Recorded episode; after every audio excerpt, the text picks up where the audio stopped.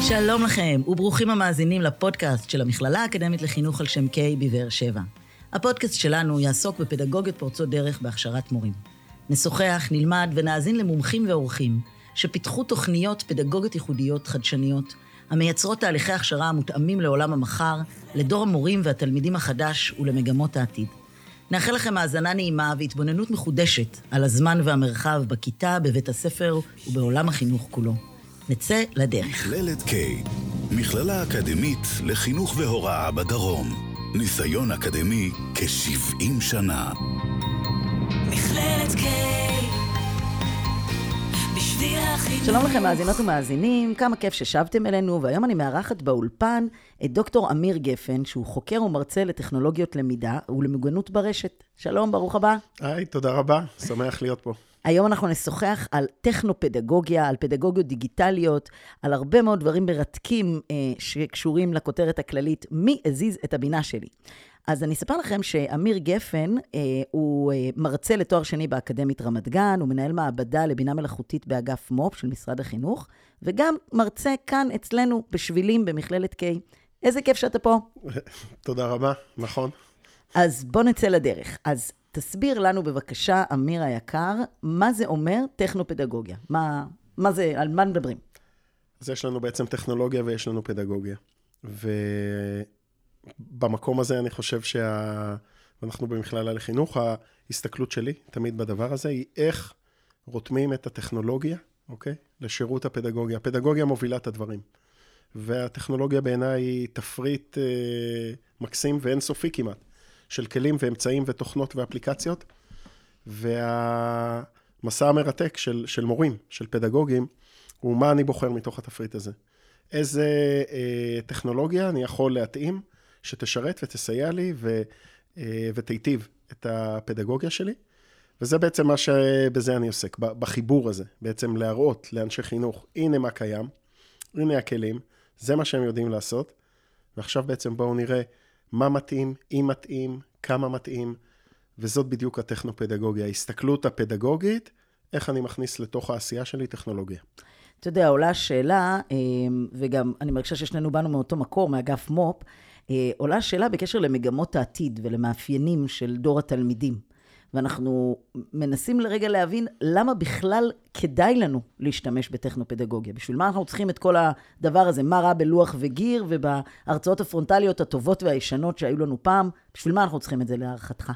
אנחנו רוצים ללמד, אנחנו רוצים שמשהו יישאר אצל התלמידים, והדרך שלהם אה, לקלוט, להבין, לאבד מידע, אה, היום היא נמצאת אה, מגיל אפס, הם כבר בתוך הטכנולוגיה, ככה שאם אנחנו לא נדע אה, להתאים את הידע ואת הדברים שאנחנו רוצים לאופן שבו תלמידים רגילים היום לצרוך מידע וללמוד משהו, הם פשוט לא ילמדו, אנחנו נהיה לא רלוונטיים. אז זו באמת שאלה מאוד מאוד uh, מאתגרת, סוגיית הרלוונטיות. באמת, uh, עד כמה הטכנולוגיה, שהיא הכלי המרכזי שעכשיו, uh, uh, מהפכת המידע וכו' וכו', uh, מה... אתה יודע, יש לי הרבה, הרבה מורות שאומרות לי, עזבי, אני, אני יודעת ללמד מדהים. עשרות שנים אני מלמדת פשוט בדרך הרגילה והקבועה שלי, והילדים נהנים, והתוצאות שלהם וההישגים שלהם נהדרים. למה אני צריכה לשנות את דרכי בכלל? אני אתן דוגמה מעולם אחר, יהיה קל להבין את זה. נלך 30 שנה אחורה, היו אנשים ששרטטו ביד, לא יודע, אדריכלים או כל מיני שרטטים, ועבדו ביד. ואז הגיע המחשב עם תוכנות גרפיות לשרטוט, ואמרו בדיוק את אותו דבר, עזבי, למה? תראי, אני שרטטת מקסים עם נייר וסרגלים ושולחנות אור. והאנשים האלה מצאו את עצמם אה, מחוץ לשוק העבודה, בבית. זאת אומרת, אמרנו, קראנו לפרק הזה הבינה זזה, הגבינה זזה. אם אנחנו לא נדע להיות אדפטיביים לדבר הזה, אה, זה לא רק אם אה, בא לי או לא בא לי. אני אגיד שאנחנו, כאנשי מקצוע, במקרה הזה אנשי חינוך, אם אנחנו לא נדע להתאים את עצמנו למהפכת המידע ולהשתמש בכלים, זה בדיוק כמו שאת, לא תקלטי היום מרצה אם הוא יבוא ויגיד, תקשיבי, אני לא יודע מחשב, לא יודע אינטרנט, לא יודע וורד, אני, יש לי מחברות. לא יעבור, לא יעבור רעיון עבודה. אני אגיד שמי שעוד יש לו לפניו, לפחות מי ששנה הבאה יוצא לפנסיה, איך אומרים? פטור. גם, עוד פעם, אולי מהמקום האישי, אבל מהמקום המקצועי, מי שרואה לפניו, אני אגיד לפחות עוד איזה 10-15 שנות עבודה, לא סתם טכנו-פדגוגיה, אנחנו נדבר עוד מעט על בינה מלאכותית, אם הוא לא ידע מה זה, איך זה, איך עובדים עם זה, בעולם עבודה תחרותי הוא לוקח סיכון. אז בעצם אתה מציין שני מניעים עיקריים אה, שבגללם כדאי לנו אה, לשמוע את הפרק הזה, או בכלל להתעסק בטכנו-פדגוגיה. אתה מדבר גם על ההתאמה לילדים, לתלמידים עצמם, שכמו שאתה אומר, נולדו כבר עם המסך ביד, ו- וזקוקים להתאמה הזאת, זאת אומרת שהפערים בין דור המורים לבין דור התלמידים, כמה שננסה לצמצם אותו באמצעות הטכנולוגיה, אה, נהפוך ליותר רלוונטיים. והדבר השני שהזכרת זה את הנושא של ההתאמה של הילדים אחר כך לשוק העבודה. Mm-hmm. זאת אומרת, הכלים שאנחנו עכשיו נלמד אותם, או שהם ילמדו אותנו, או שנלמד אה, ביחד איתם, הם יוכלו אחר כך, המיומנויות האלה של אה, שיתוף אה, מסמכים, עבודה בשותפות על מסמכים, זה באמת מיומנות בסיסית כל כך, שאחר כך יכולה לשרת אותם בשוק העבודה. זה שלהם ושלנו. זה גם מה שנקרא דמות הבוגר, ויש לנו אחריות ומחויבות פה להכין את התלמידים שלנו להצלחה בחיים שלהם כבוגרים, וגם אנחנו, כאנשי מקצוע. במקרה הזה חינוך, צריכים לדעת להיעזר ולהסתייע בטכנולוגיות גם עבורנו, והן יכולות לעזור לנו. אתה יודע, ואני מרגישה שאנחנו לא עומדים בקצב.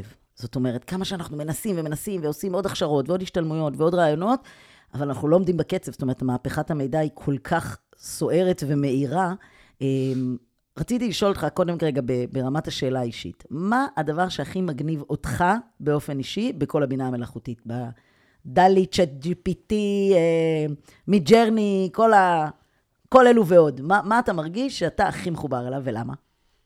קודם כל, אה, הייתי אומר ממשק חדש של אדם ומכונה. אנחנו, אולי זה נשמע קצת קריפי, הם מתחילים לדבר אל המכונות, כמו אל אה, אנשים. זאת אומרת, ההפעלה, הפרומפטים, מה שאנחנו קוראים בתוך הבינה המלאכותית, זה לא תיבת החיפוש המוכרת שלנו בגוגל. שאנחנו כותבים שם איזשהו נושא, עושים enter, אה, מקבלים תוצאות חיפוש, לא מספיק טוב, עושים עוד, מקבלים מחדש. פה אנחנו נכנסים לשיחה מול הבינה המלאכותית היוצרת. במקרה היום אנחנו בצ'אט GPT, מחר זה יהיה משהו אחר, זה לא משנה, העיקרון הוא אותו דבר. היי, אני אמיר, אני מרצה בתוכנית שבילים, ב-K, שעושה ככה וככה וככה, על חדשנות או על טכנולוגיות או על חינוך בלתי פורמלי. ונאמר, יש לי בתוך הכיתה מגוון של אוכלוסיות. חברה יהודית, חברה בדואית. איך אתה מייעץ לי להתאים את ההוראה שלי לכיתה שהיא הטרוגנית? ככה זה נראה. וואו. Okay? אוקיי? ככה זה נראה. ומה אתה מקבל? איזה, איזה מקבל, תשובות אתה מקבל? נפלאות. אה, תשובות, אה, כשאני עושה היום סדנאות, אה, גם במערכת החינוך, גם באקדמיה, אגב, גם ב... לפעמים בחברות מסחריות, מרגיש קצת כמו ליאור סושארד כזה, כמו אומן חושים. הלסתות נפלות, באמת. ו... מבקש מתנדב מהקהל, אז בשונה מקוסמים, אני לא הולך לנסר אף אחד לחצי, אבל עדיין, ההתפעלות וההתפעמות היא אדירה, ואני הרבה פעמים שומע כשאני עושה איזשהו תרגיל ולוקח מתנדב שמביא משהו, סוגיה מהחיים שלו, מתוך עולם העבודה שלו, האקדמי לפעמים, ואני מקבל תשובה בסוף הסימולציה הזאת, שאומרת, וואו, תקשיב, חסכת לי שבועיים עבודה. וואו. חסכת לי שבועיים עבודה. אני מדבר על אנשי מקצוע, אוקיי? אז כשאתה אומר ל, ל, ל, למכונה, או לאפליקציה, אה, היינו הך, אתה אומר לה איך ללמד בכיתה הטרוגנית, אז מה, איזה, איזה תשובה יכולה לתת לך? אולי יש משהו שאנחנו יכולים בכלל לחדש פה. אם את מחר תתני לסטודנט בתואר שני, או בסמינריון, איך ללמד בכיתה הטרוגנית, והוא ייתן uh, תשובה, מה שהמחשב היום, uh, ה-chat GPT ידע לתת, לא פחותה. מה שאנחנו קוראים, עברנו בעצם ב- ב- בטכנולוגיה את מבחן טיורינג. מבחן טיורינג אה, דיבר על זה שכשאנחנו נשב באמצע בין שני פרגודים, אנחנו המרצים, ונקבל מצד אחד סמינריון מסטודנט, ומהצד השני את אותו סמינריון מצ'אט GPT, נקרא את שניהם. לא, לא נדע. נדע. לא נדע, וזה שם, אנחנו שם. ולא רק שלא נדע, כבר בבדיקות שנעשות ומחקרים שנותנים למורים ב- ב- לבדיקה עיוורת, ולא אומרים להם אה, מי מה, אז א', אה, כבר ראו שהם לא יודעים להבדיל. וב' הציונים ש-GPT מקבל, 88, 89, 90, לא רע, אוקיי? לא רע.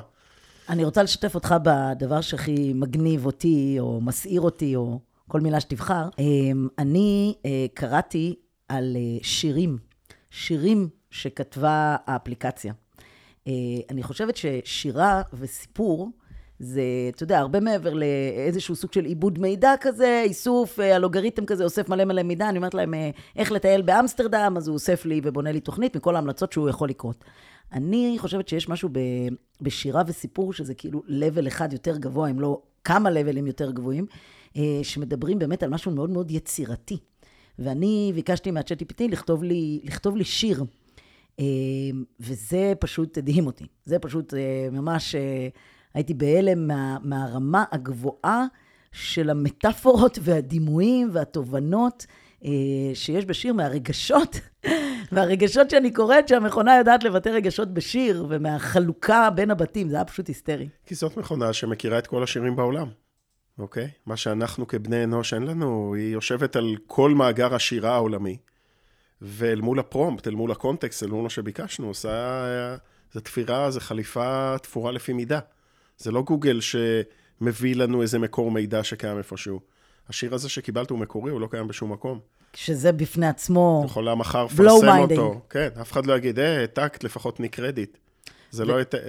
אין, אין למי לתת, זאת אומרת, אפשר להגיד, הסתייעתי בצ'אט GPT, אבל אין עוד טקסט כזה בעולם. וגם עוד משהו שככה הסעיר אותי אה, בהמשך, זה שיום למחרת ביקשתי ממנו עוד פעם לכתוב את השיר, ויצא שיר שונה. Mm-hmm. זאת אומרת, מה...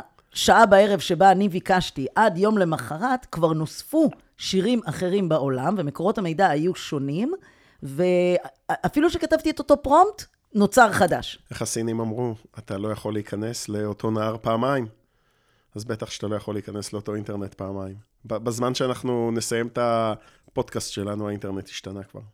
זה באמת... אה, לא יודעת, אין, לי, כן. אין לי מילים לתאר את האושר הזה. mind blowing. mind blowing לגמרי. כן. אמ, אוקיי, אז uh, לצד כל ה... אה, אתה רוצה לשתף אותנו בעוד דברים uh, מעניינים שקורים ב- ב- בהקשר הזה? הדברים הכי חדשניים אולי? את אמרת, אנחנו רק צריכים לשבת ו- ולראות, הם פשוט נופלים עלינו בקצבים שלא הכרנו אף פעם. ועוד רגע מייקרוסופט יצאו עם בינה מלאכותית יוצרת בתוך כלי אופיס. ועוד שעתיים אנחנו מחכים לראות מה גוגל יוציאו, יושבים עכשיו ומאבדים זמן יקר בשוק התחרותי הזה, אבל הם אה, בסוף ינסו לתת איזשהו fight מטעמם. ואנחנו רק צריכים לשבת וליהנות מכל השפע הזה שנופל עלינו מצד אחד. מצד שני, להיות ערניים, להיות קשובים למקומות של פרטיות, של אתיקה, של פערים, של... זה הטכנולוגיה, תכף, תכף נגיע לא לאתגרים. בזה. חכה, חכה, מיד אנחנו ניכנס לעומקם של האתגרים, אבל עוד לפני שנעבור לאתגרים, הייתי רוצה לשאול אותך, ואם אני אה, אה, מורה או מרצה שעדיין לא התנסתה, אה, במה תמליץ לי להתחיל, או מה לדעתך כדאי לי לעשות ככה בשלב הראשון? אוקיי, okay, אז יותר חשוב אפילו, אני אגיד עכשיו מלהקשיב לי, זה להיכנס למחשב, לעשות בגוגל, אוקיי? Okay, עדיין יש לנו גוגל, צ'אט uh, GPT. לשים מייל, לשים סיסמה, לשים את הטלפון, לקבל, אנחנו מכירים איך נרשמים, פשוט להתחיל לשחק בזה. זה חינמי, זה נגיש. אה, זה כמעט יהיה, אני רוצה להגיד, זה כמעט יהיה על גבול הרשלנות, אה, לא לעשות את זה, או לא, לא להכיר. אחרי זה תחליט, טוב, טוב לי, לא טוב לי, זה עושה את העבודה, לא עושה את העבודה, אבל לפחות, ה, לפחות ההתנסות הזאת, אה, אני חושב שכל כל אחד חייב לעצמו, בטח אנשי חינוך, גם כאיזשהו כלי עבורם, ובטח בהקשר מול, ה, מול התלמידים. תגיד, ויש משהו בעברית? אפליקציה שאתה ממליץ בעברית? כי הרבה פעמים תלמידי, אפילו תלמידי התיכון שלנו, אה, מאוד מאוד מאותגרים באנגלית. כן. לשוחח עם המכונה באנגלית. אני לא יכול אה, להמליץ על אה, אפליקציות ספציפיות, והן הרבה מהן מחוברות ושמות בעצם איזושהי שכבת תרגום. היום, מהניסיון שלי, את התוצאה הכי טובה, אם אנחנו רוצים, זה תמיד בואו בוא נלך למקור, לא נלך ל... והדרך הכי טובה, וככה גם התלמידים והסטודנטים שלנו עושים, מי ששפת האם שלו לא אנגלית, ורובם הם כאלה, הם עובדים ב Google Translate, הנה, משאיר גם לגוגל קצת פרנסה, ובעצם אה, רואים את התרגום, שיצא פחות או יותר בסדר, ומדביקים אותו באנגלית אה, בתוך הצ'אט GPT. אני אומר, זה נכון להיום, לזמן שאנחנו מדברים. עוד יומיים ורבע, זה ישתנה. בתוך ה-GPT כבר יהיו את אותם יכולות של גוגל טרנסלט, הדברים האלה זזים נורא מהר, אבל נכון לשנייה הזאת, הדרך בעצם לקבל את התוצר הכי טוב מצ'אט GPT, ואם אנחנו דוברי למרות עברית... למרות שגם יש גם בעברית. זאת אומרת, יש. אפשר גם נכון, ל... אבל אפשר. פשוט כנראה לא בעוצמה מספיק גבוהה. לא, לא מספיק טוב. בסוף אנחנו אומרים, אני רוצה לקבל את התוצר האופטימלי. הכי טוב שאני יכול. הדרך אה, מההתנסויות שלי, ויש כל מיני כלים בינתיים הכי טובה, כתוב בעברית, ב Google Translate, תרגם, תדביק, תחזיר חזרה, תתרגם בחזרה. אה, כרגע זה נותן את התוצר הכי איכותי. אוקיי, אוקיי, ועכשיו, אה, לצד כל היופי הזה, אנחנו גם נשוחח על האתגרים. ונדבר על האתגרים בכמה היבטים. נדבר על האתגרים אה, אה, גם ברמת, ה, כמו שאתה מתאר לזה, ממשק אדם-מכונה למבוגרים, למרצים ולסטודנטים, ונדבר גם על הממשק בהקשר של תלמידינו וילדינו. אז, אז תבחר במה אתה רוצה שנתחיל, ותסביר לנו מה הבעיות. נלך אחורה. אה, קיבלנו את האינטרנט, נכון? ותוך אה, דקה ורבע נגיד, קיבלנו יחד עם זה את האתרים של הפחות, נגיד, את אתרי ההימורים או את אתרי הזה. ובואכה אה, סוף שנות האלפיים, קיבלנו את הרשתות החברתיות, זה לקח דקה ורבע, נכון? cyber bullying, בריונות רשת. אני מחזיק את המקומות האלה, הדוקטורט שלי הוא על בריונות רשת. אז הנה יש לנו עכשיו בינה מלאכותית יוצרת. אז מה, אה, את כתבת עם זה שירה, את חושבת שלא יהיו כאלה ש... ילדים שעכשיו אה, מנסחים את פוסט החרם הבא שהם הולכים לשים? אה, או תמונות פורנו. למשל. אז תמיד יש לנו את, את שני הצדדים האלה. אגב, זה חוזר אלינו, התפקיד שלנו כ- כ- כמורים, כאנשי חינוך, הוא לעשות מה שאנחנו יכולים כדי לנתב, להוביל, להנחות את התלמידים שלנו, שיעשו שימוש מיטיב. אה, בדבר הזה, ולא שימוש פוגעני, ואם קורה שימוש פוגעני, אז לדעת להתייחס לזה, לזהות את זה, לעצור את זה, לטפל בזה, אוקיי? אה, ליד הדבר הזה, האתגרים הם, הם, הם אינסופיים, זאת אומרת, אמרנו מכונות, איפה המגע האישי? אנחנו מאוד מוטרדים כרגע, כל הנושאים החברתיים רגשיים. כשאנחנו מדברים מכונות, כל ה-GPT הזה, שאנחנו היום רואים אותו עוד דקה ורבע, יושב במין מכשירים שהם אה, מזכירים רובוטים, או נראים רובוטים. ופתאום אנחנו מתחילים לדבר אליהם, והם עונים לנו, והם מכירים אותנו ואת החיים שלנו, ואנחנו נכנסים לאיזשהו אירוע שמכונות נוכחות בחיים שלנו, לא רק לנקות כמו היום, איי רובוט, את ה... ממש uh, מייעצים לנו בשאלות המקצועיות, שלא לומר בשאלות האישיות והכי אינטימיות שלנו, ומייעצות טוב, אוקיי? מייעצות טוב. אז uh, ליד הדבר הזה אתה אומר איפה המגע האנושי, ואיפה החברתי-רגשי.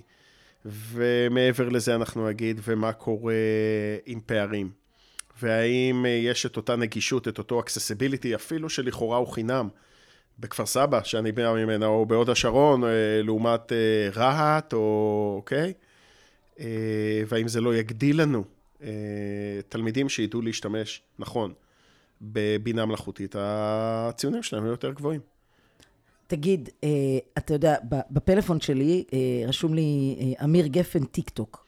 תן לנו איזה ככה zoom in על טיק טוק. תסביר לנו רגע, אולי תסביר רגע למאזינות והמאזינים מה זה טיק טוק, לאלה הבודדים שאולי לא, לא מכירים על מה מדובר, ותרחיב לנו מעט את הפריזמה על זה. אוקיי, אוקיי, אז רשום לך טיק טוק, כי זה קיצור של הרצאה שאני הרבה פעמים אוהב לתת, שנקראת טיק טוק מי שם, עם סימן שאלה, שלא לומר טוק טוק מי שם. זו הרצאה שעוסקת אה, באתגרים ובמוגנות ברשת. והרצאה בעצם ש- שהיא להורים, לצוותי חינוך, והיא אומרת, אנחנו לא שם, אוקיי? ושם הילדים נמצאים. Uh, ושם יש שם שדה מוקשים שלם, שהוא לא משולט גם.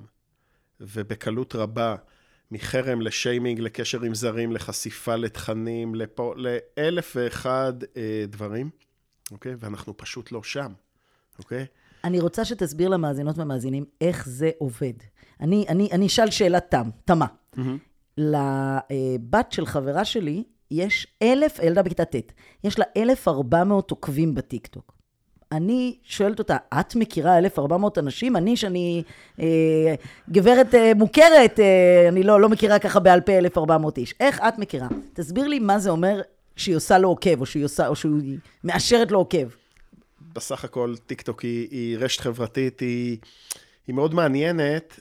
אגב, זה גם מתחבר לצ'אט GPT. עד אה, צ'אט GPT, הטיקטוק היה המוצר הטכנולוגי עם קצב האימוץ אה, הכי גבוה בהיסטוריה. אימוץ עד, זה ההצטרפות? קצב ההצטרפות? עד אה, GPT, רק שנבין את הפרופורציה. אה, תשעה חודשים מיום שטיקטוק אה, הושק, היה לה גלגול קודם שנקרא Musical.ly. אבל מרגע שטיקטוק הושק, לקח לה אה, תשעה חודשים להגיע ל-100 מיליון משתמשים, צעירים, וצעירים מאמצים מהר. המאזינים צ'אט- לא רואים את הלסת השמוטה של אה, GPT, חגי ושלי פה. אפרופו, צ'אט GPT, חודשיים. תשעה חודשים. עד עכשיו, טיקטוק זה היה משהו פנומנלי. ובא צ'אט GPT והשאיר לו אבק, תוך חודשיים, 100 מיליון. מה שאחד מיסודות ההצלחה של טיקטוק, רשת אה, מאוד אותנטית כזאת. זאת אומרת, בשונה מאינסטגרם נגיד, לפניה, שהכל יפה, תמונות אינסטגרם, רגעי אינסטוש כאלה מושלמים, טיקטוק הביאה מוצר שהוא קצת יותר אותנטי, קצת, ו, וזה מאוד תפס. עכשיו, בסופו של דבר, ואת אומרת על הילדה, אחלה, אז ש, שיהיו לה עוקבים. אני חושב שלנו, כהורים נגיד, או כאנשי חינוך, אה, קודם ההורים. בואו רגע רק אה, שנייה נבין מה זה התכנים האלה שהיא מעלה לטיקטוק שלה, שיוצרים אה, כזה קהל אה, עוקבים. ואולי זה סבבה, ו- ועושים איזה, לא יודע, מתכונים, או לא יודע מה, ואולי זה דברים של פחות, אוקיי? ואנחנו לא שם. אז אנחנו צריכים להתעניין, קודם כל בכלל לדעת שיש דבר כזה טיק טוק, לדבר על זה עם הילדים, לשאול אותה כמה עוקבים יש לה, לשאול אותה, מה את מעלה לשם? הערוץ שלך, זה כמו ערוץ שידור, טלוויזיה. ולראות שאנחנו בסדר עם זה, ושהיא בסדר עם זה. ובתוך הדבר הזה, איך מגיבים לך, ומי יוצר איתך קשר, ומה מציעים לך. ואנחנו כבר כולנו, תוך כדי שאני אומר, מתחילים הגלגלים לעבוד בראש ולהגיד איך זה יכול ללכת למקומות שהשם ישמור. זה באמת אה, מאוד מאוד מלחיץ. אני לא יודעת, אני, אני מרגישה שזה מאוד מלחיץ. אני רוצה שתספר למאזינות והמאזינים שלנו על אה, אה, מוקד 105, מטה לאומי להגנת ילדים ברשת, על מה מדובר ומה הקשר שלך לזה. אוקיי. אז באמת הייתה לי אה, זכות גדולה להיות אה, בצוות אה, שהקים, ואחר כך לנהל את תחום המניעה של מה שקרוי המטה הלאומי להגנה על ילדים ברשת, מוקד 105, יצירה ייחודית, ישראלית, באים מהעולם ללמוד אותה. בעצם בטלפון אחד, 105, הורה או ילד שנפגעו ברשת יכולים להתקשר ולקבל מענה הוליסטי, מתוכלל של המשטרה, של משרד החינוך, של משרד הבריאות, של משרד הרווחה, של משרד המשפטים, כל אחד בציר שלו, כל אחד בפעולות שהוא יודע לעשות, אבל מבחינת ההורה או הילד, בטלפון אחד, אחרי אירוע חלילה של פגיעה ברשת, כל המערכת מתחילה לעבוד ולנהל. רגע, אבל אם חלילה וחס אני חושדת שלבת של חברה שלי יש, אה, אה, פונים אליה הצעות מגונות ואני מתקשרת, זה אני יכולה להבין איך אתם מטפלים. אבל אם אה, אני אה, רואה, מה שנקרא, באמת באופן מאוד מאוד עצוב ונוראי, אה, שיש לשכן שלי אה, חרם דרך הוואטסאפ או חרם דרך הרשתות החברתיות, מה, מה אתם עושים אז? שזה לא משהו פלילי. כן, אני אקח את זה, ישר אני אקפיץ את זה לא- לאירוע שהוא יותר מורכב. אתה או הילד נמצאים ברשת החברתית, ורואים איזה פוסט של ילד אחר, לא הילד שלך. פוסט שמביע מצוקה, פוסט אולי שמביע איזשהו קושי עם החיים, פוסט אולי שאפילו כבר מתחיל אה, להראות סימנים, אולי חלילה חלילה של אה, נטייה אובדנית. אתה רואה את זה ברשת, לא מכיר בכלל את הבן אדם. אז אתה עושה צילום מסך, אוקיי? ופונה ל-105, ומעביר להם את זה. 14 אחוז בערך, 12-14 אחוז מהאירועים ש-105 מקבלים, והם מקבלים מאות כל חודש, הם האירועים האלה. הם אירועי חירום, זה ממש הצלת חיים, אוקיי? זה בכוונה, לא שאני מקל ראש בחרם ובדברים האלה, אבל... אה, אנחנו רואים 105. שעכשיו זה, זה חרם, סוף, הוא יכול כן. ממש להסתיים בהתאבדות, זה ממש, אה, אה, לצערנו, קשר ישיר. כן, זאת אומרת, יש, נגיד ככה, פגיעה ברשת, בוא, בוא נגיד, ויטמינים זה לא. אובדנות מגיעה, איך אומרים, כשנכנסים כבר לפינה מאוד מורכבת ויש הרבה מאוד גורמים לאובדנות, אבל זה ברור שילד שעובר בצורה, באופן מתמשך, אירועים של, של פגיעה ושל הצקה, איך אומרים, זה, זה הרבה פעמים יהיה הקש ששובר את, ה, את הגב של הגמל, את הגב של הילד. אה, ושוב אני אגיד, אמרנו טיק טוק, עם, עם סימן שאלה, או טוק טוק, אנחנו לא שם, אוקיי? אנחנו לא רואים את זה. אם היינו רואים, בבית ספר יש תורן חצר, נכון? או תורנית, עומדים, מסתכלים, רואים אירוע, ייגשו. פה יש פה מרחב שלם, סופר אה, משמעותי, ו- ועבור הילדים, ואנחנו פשוט לא אבל לא מה אתה נוכחים מציע? שם. שאני, שאני, שאני גם אציע לחברות? שאני אוריד טיקטוק לעצמי ואני אציע לה? זאת אומרת, מה... כן, כשאתה אז- אומר לי, "ת- ת- תהיי שם, למה אתה מתכוון? אז קודם כל זה מתחיל, אה, ברור שזה נורא תלוי גיל, אוקיי? ויש בתוך הדבר הזה, במסע הזה של הילדים שלנו עם המכשירים הדיגיטליים, נחלק אותו לשתי תקופות עיקריות. אפס עד הסמארטפון הראשון, האישי, ומהסמארטפון האישי קדימה. עכשיו, אני לא סתם אומר אפס. אה, מסתובב פה בקניון, בבאר שבע אנחנו נראה עגלולים ו- וטיולונים, ילדים בני חודשים ספורים, עם, הטב, עם הטלפון של ההורים. וואו. כי זה קונה לנו שקט, אוקיי? אז באיזשהו מקום, את כל החשיפה המוגברת, שלא לומר המיותרת הזאת הרבה פעמים, אנחנו מתחילים לייצר אותה בעצמנו, במו ידינו. אחר כך בגיל עשר, שנגיד לו, מה, אתה מכור, תעזוב את הטלפון. מה אנחנו רוצים? מי... מי נתן לו את זה? בדיוק. עכשיו, בתוך הדבר הזה יש את גיל אפס, וזה מתגלגל, מתגלגל, גילי הגן, ואז איפשהו באזור, פעם זה היה בכיתה ה', וירד לד', וירד לו', לג' ולב', לא יודע, תגידי את. אה, מגיע, שוב, הרגע הזה של... ואז אנחנו קונים כבר לילד סמארטפון ראשון משלו. ולתת את הסמארטפון הזה בידיים של הילד בלי להיות שם, בלי לנכוח שם, בלי להתעניין, בלי להסתכל על כל דבר שהוא מסתכל, זה כמו לתת לו מפתחות למכונית בלי הורה מלווה. זה כאילו, סע לים, סומך עליך, בכיתה ב'. זה אותו דבר, אוקיי? המערבולות והמוקשים שאמרתי קודם, אז אנחנו חייבים, אז מה זה אומר להיות שם? זה, מהשלב הראשון, זה להסתכל על מה שהוא מסתכל, להגיד, בוא תראה לי. מה אתה עושה, אומרת, מה אתה אתה, רואה. לשיטתך, מה... אם יש קבוצות וואטסאפ של אה, ג' שתיים אה, האלופים, כן, שאני אהיה שם. כן. להגיד, אה, להסביר, בדיוק כמו, זה, זה לא שונה מזהירות בדרכים, להגיד, בתוך הכביש הזה של, של הרשת, יש תאונות, יש נהגים מסוכנים, יש דברים איומים ונוראים, אז כמו שאני משגיח עליך איך אתה עובר כביש, אז אני משגיח עליך איך, איך שאתה גולש, זה האחריות שלי כהורה. אבל אתה יודע, אוקיי. בכיתה ז' זה כבר לא כזה פשוט. אז אם התחלנו, קודם כל, אם אה, מגיל אפס בעצם אנחנו על זה, בטח אה, כשאנחנו נותנים אה, את הסמארטפונים שלנו, ובשלבים הראשונים, אז זה ברור שלילד בכיתה י"א לא תתחיל איתו להגיד, אה, בוא, תראה לי, מה אתה עושה, מה... too late, אוקיי? להתחיל כמה שיותר צעיר. מ-0 עד הסמארטפון הראשון, ושם זה לגמרי בשליטה שלנו, וברגע שאתה מביא את הסמארטפון הראשון, וסביב השנה, שנתיים, שלוש, הראשונות, וזה קורה היום באזורי כיתה ב', ג', ד', שם אתה נמצא. כאילו, אתה אומר לו, יש שם דברים מסוכנים, אני חייב לפקח על הדבר הזה. אוקיי, אז אני, אז אני רק אה, רוצה להבין את זה עוד פעם. אז, אז בג' ד' אה, אני נכנסת לקבוצת ג' שתיים האלופים. כן? אבל מכיתה ז', מה שנקרא, אה, אני לא רוצה לצאת האימא הפתחנית, אני גם לא אקבל אישור לצאת האימא הפתחנית נכון, אבל אם, שנכנסת. אם יצרנו אצל ה... אם במהלך ג', ד', ה', ו', אוקיי?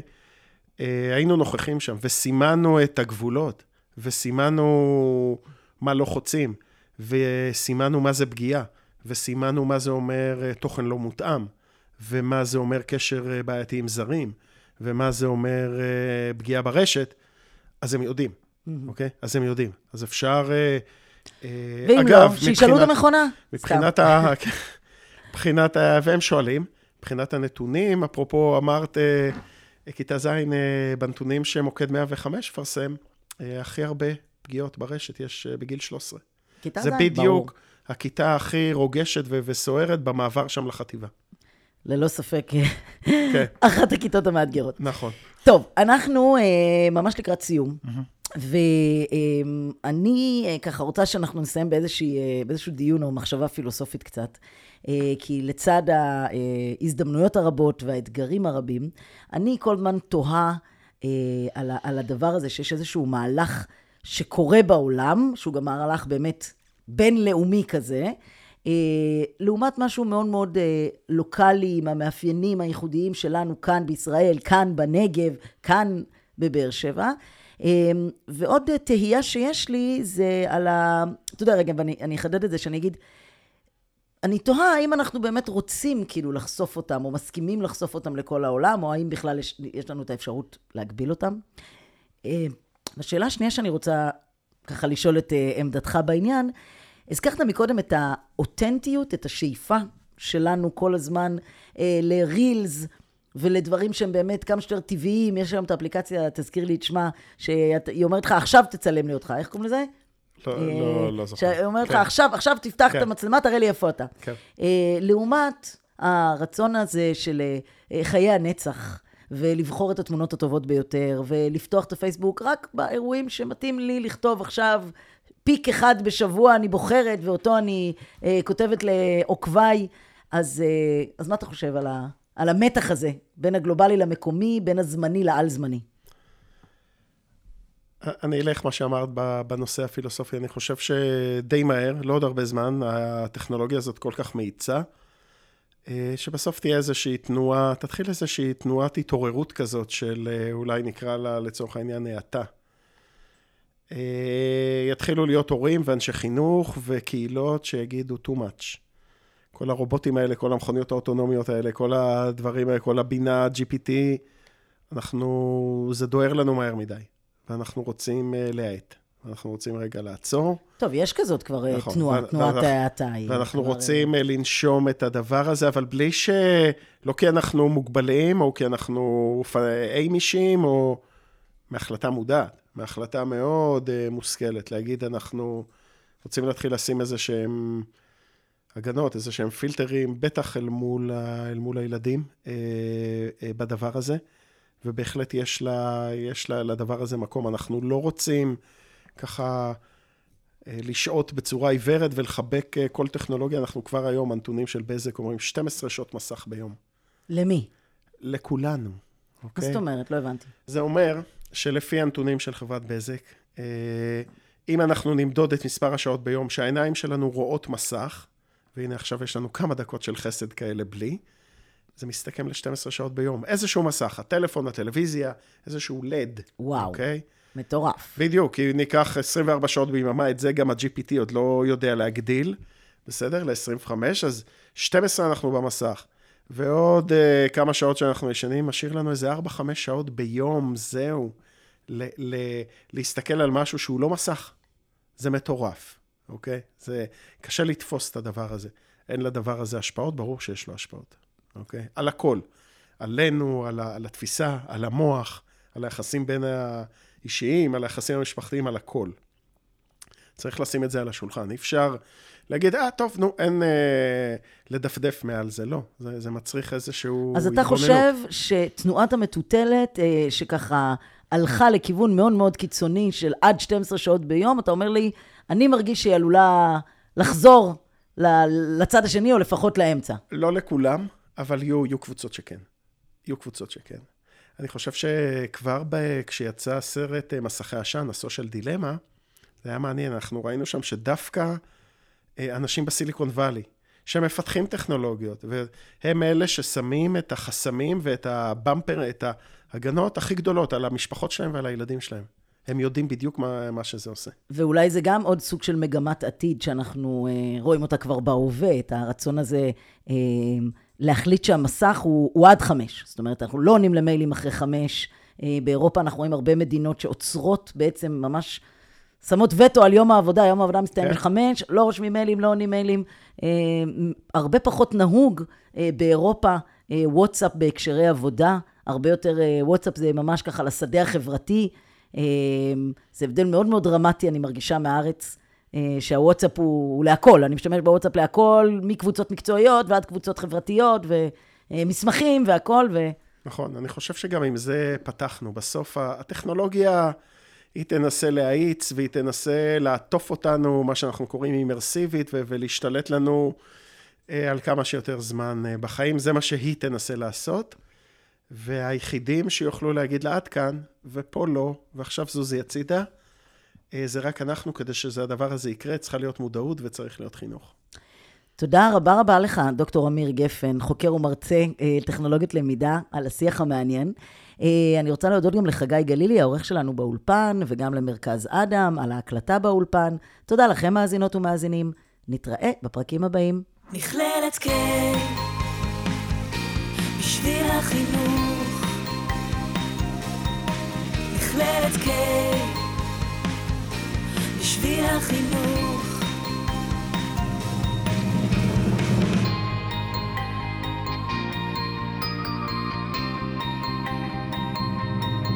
מכללת K, בשביל החינוך.